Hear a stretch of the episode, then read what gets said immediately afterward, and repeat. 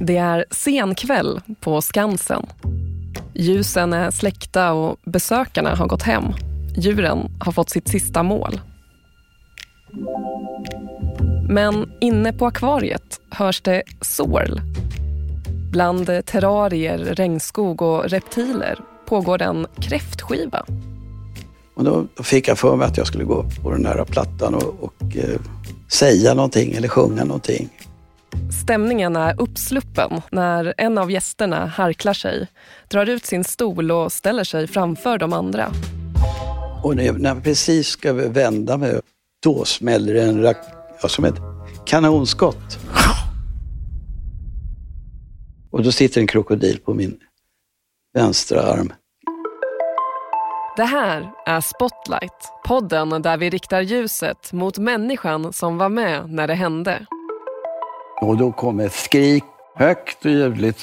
Efter kräftskivan på Skansen-akvariet blir arkitekten Lars Lidegren världsberömd över en natt. Känd under namnet Krokodilmannen. Så till dramatiken på Skansen-akvariet i Stockholm igår kväll då en man i 75-årsåldern blev illa biten av en krokodil. Men det var något märkligt med den här händelsen. Kanske den här lilla delen ändrar på mina åsikter, kanske har mer tid för mina medmänniskor. För trots att han fick sin arm amputerad så verkade han glad. Och nu är du världsberömd för att ha blivit biten av en krokodil. Hur upplever du det? Jag tror att det kommer bli kanonbra. Det är dock inte hela sanningen. Det här är ju en person som försöker hålla humöret uppe samtidigt som hans liv har förändrats totalt. För bakom händelsen på Skansen-akvariet och bakom dess excentriska vd Jonas Wahlström finns en annan berättelse. Där regler kringgås, gränser töjs och utrotningshotade djur köps och säljs som en sidoverksamhet. Alltså det finns inga vattentäta skott direkt utan det berodde på vilken tjänsteman på Jordbruksverket man talade med, hur han utfärdade tillstånden. Så det flöt liksom ihop. I Spotlight får du varje vecka nya berättelser. Av och med journalisterna på Dagens Nyheter. Hör om hur ryska regimkritiker förr mördades på öppen gata.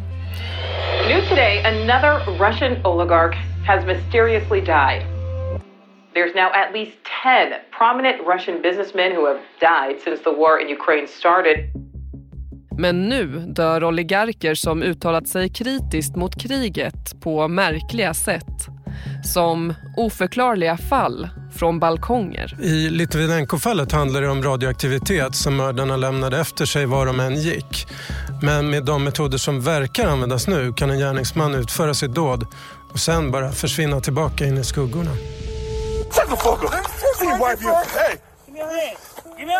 Ännu en svart man har misshandlats till döds av poliser i USA.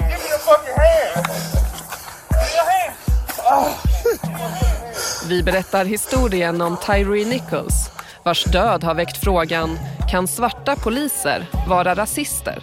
Men så finns det de som svarar ja på den här frågan som pekar på vad de kallar den strukturella rasismen i USA. Att det sitter i väggarna. Spotlight. Mikrodokumentärer ur nyhetsflödet. En podcast från Dagens Nyheter.